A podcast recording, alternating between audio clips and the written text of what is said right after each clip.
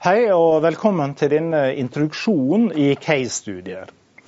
Og Jeg kan allerede nå avsløre mitt hovedbudskap. At case-studier, hvis de skal fungere, de er en funksjon av en strategitenkning og en sampling, eller et utvalg, og en metodisk gjennomføring. Case som er valgt litt ut fra innfallsmetoden, de ender ofte opp med det vi kaller for 'det var en gang'-historie. Og den finnes det mer enn nok av. Og For å illustrere dette utsagnet her, så går jeg rett på en studie som jeg har gjennomført selv. Og Denne firefeltstabellen, hvor det er uttrykt fire situasjoner, eller fire tilfeller, da, med 1, 2, 3, 4 i romertall, den har to akser. Langs den horisontale X-aksen så er da elevens sosioøkonomiske bakgrunn, eller det distriktet eller det området, de omgivelsene som skolen, enten det nå er en barneskole, grunnskole eller videregående skole, rekrutterer elevene fra. Og en lav score på det, hvis vi tenker forenkla, lav-høy. En lav score vil si en elevrekruttering som kjennetegnes av lav foresatte utdannelse, lavt inntektsnivå, lav score på sosiale velferdsindikatorer, høy trygdeandel, eh, sterk etnisk heterogenitet målt med mange fremmedspråkgrupper, høy fremmedspråksandel. Som da ofte eh, blir omtalt som utfordrende omgivelser inntaksmessig.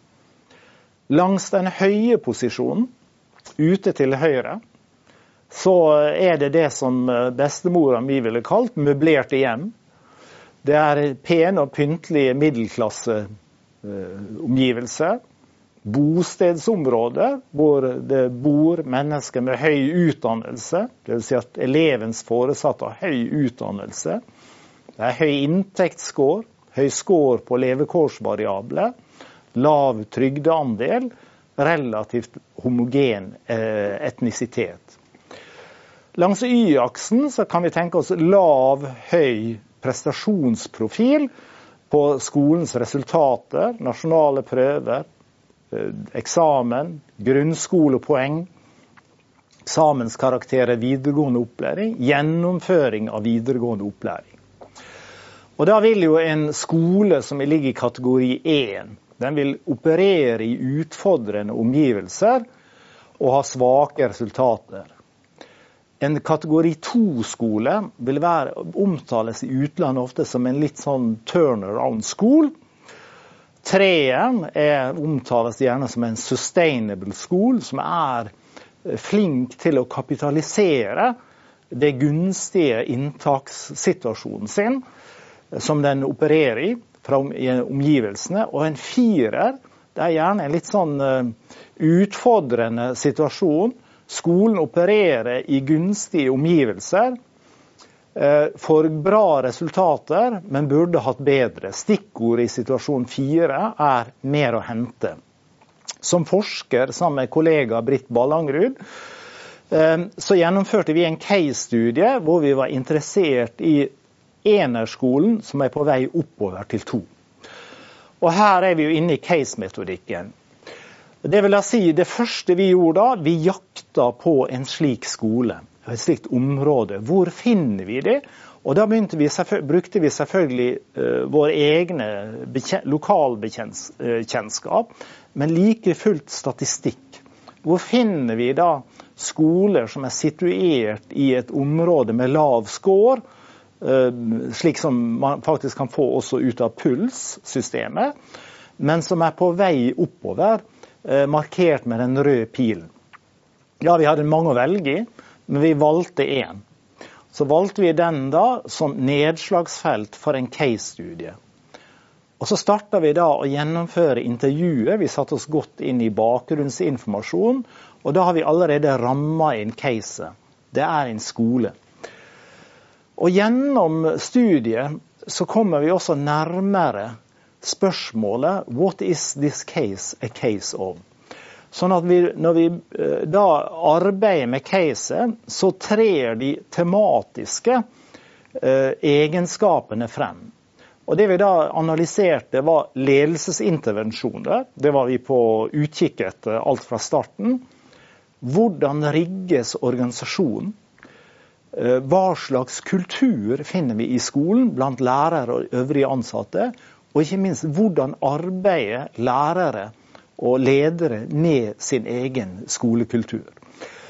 Slik at tilbake til det fundamentale spørsmålet i en case-studie det er 'what is this case a case of'? Og Det er et rent teoretisk spørsmål som utkrystalliserer seg når man har avgrensa selve utvalget eller samplingen. Og Samplingen skal på mange måter løse problemet med den avhengige variabel, som vi sier. Det vil si at man velger ut et case som gir en unik belysning av at noe man er interessert i, faglig og teoretisk. Og den kjennetegnes av et lite antall observasjoner sammenlignet med statistiske studier. Sånn at både ankepunktet og særtrekket det er small n and big conclusions. Eh, mye av organisasjonsforskninga i eksempelvis beslutningsteori, organisatorisk læring, organisasjonsdesign og også endringsledelse det er faktisk eh, basert på case-studier, hvor man har gått i dybden. Um, en av forfatterne som er mest sitert, Robert Ginn, fra hans bok da, 'Case Study Research', som er en klassiker, den kom i første utgave i 1981, så er det fire typer. Det vil si at du kan ha studier som baserer seg på ett case, enkle case-studier, eller du kan ha multiple flere case. Så kan du da ha såkalte holistiske eller embedded. Det vil da si at du kan ha ett eller flere analysenivå. Og en studie, en enkeltcase-studie med flere analysenivå, det kan være en skole hvor du ser på enkeltavdelinger og skolens organisasjon. Det vil si at du belyser problemstillinger både på subenhet eller avdelingsnivå og det samlede organisasjonsnivå. Eh, I vårt program skal vi konsentrere oss om type 1, dvs. Si en enkeltstående case-studie som kan si noe om skolen. Eh, og Da er logikken slik da, det er på mange måter å spille tape-rekorderen i reverse, hvis dere husker fremdeles hvordan en VHS-tape-rekorder fungerte. Vi starter med et unikt case, som er nøye selektert ut fra en teoretisk faglig problemstilling. Og som er valgt ut fra at denne casen ikke nødvendigvis ligger i nabolaget eller den skolen jeg jobber på sjøl, men det er den casen som gir unik belysning av noe som er interessert å finne ut. Ja, og Så samler vi inn data. Og i, og i litteraturen på case-studier så kaller vi det for en case-studieprotokoll. Vi lager instrumentene våre. Det er egentlig metodekapitlet. Hvilke to-tre informanter skal du velge ut? Og du velger du strategisk. Ikke etter innfallsmetoden, men du velger ut informanter som har mye informasjon å bidra med til belysning. Eksempelvis rektor, enkeltstående kontaktlærere, en rådgiver, en avdelingsleder. Og her må du tenke strategisk, sånn at du skal få mest mulig ut av hvert skudd. Og hvilke sekundærkilder vil du benytte?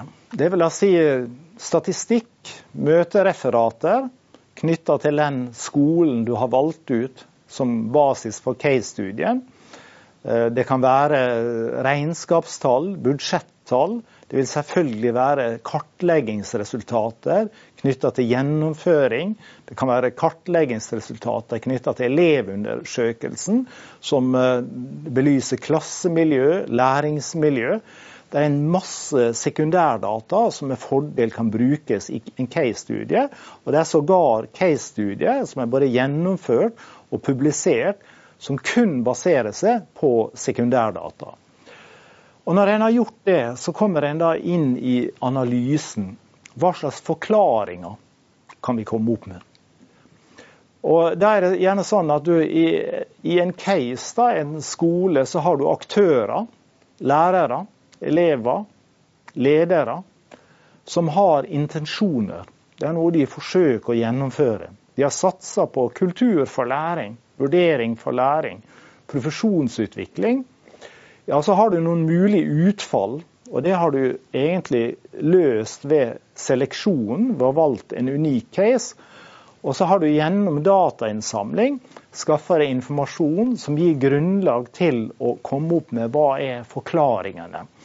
Og den type forklaringer som man kan komme opp med i en case-studie og veldig mange andre felt i samfunnsvitenskapen, det er ikke naturvitenskapelige forklaringer. Eh, det er egentlig intensjonale forklaringer, for å sitere den norske filosofen Jon Elster. Så det er mye av mekanikken, tenkninga i en case-studie. Og uh, Mye av ideen det er å være bevisst i utvalget, bevisst i metodevalget også, særlig med valg av informanter, hvor kriteriet som er gjennomgående, det er strategisk valg. Ikke tilfeldig, som er norm i statistiske, noen statistiske utvalgsundersøkelser. Du bygger på forkunnskap og bygger på sannsynlighet. Hvem er det som kan gi best belysning? Og så Avslutningsvis så bygger da case-studier på det vi kaller for et synergisk metodesyn. Det vil da si at Man er ikke bundet av fenomenologi, eksempelvis, eh, og kvalitative tilnærminger.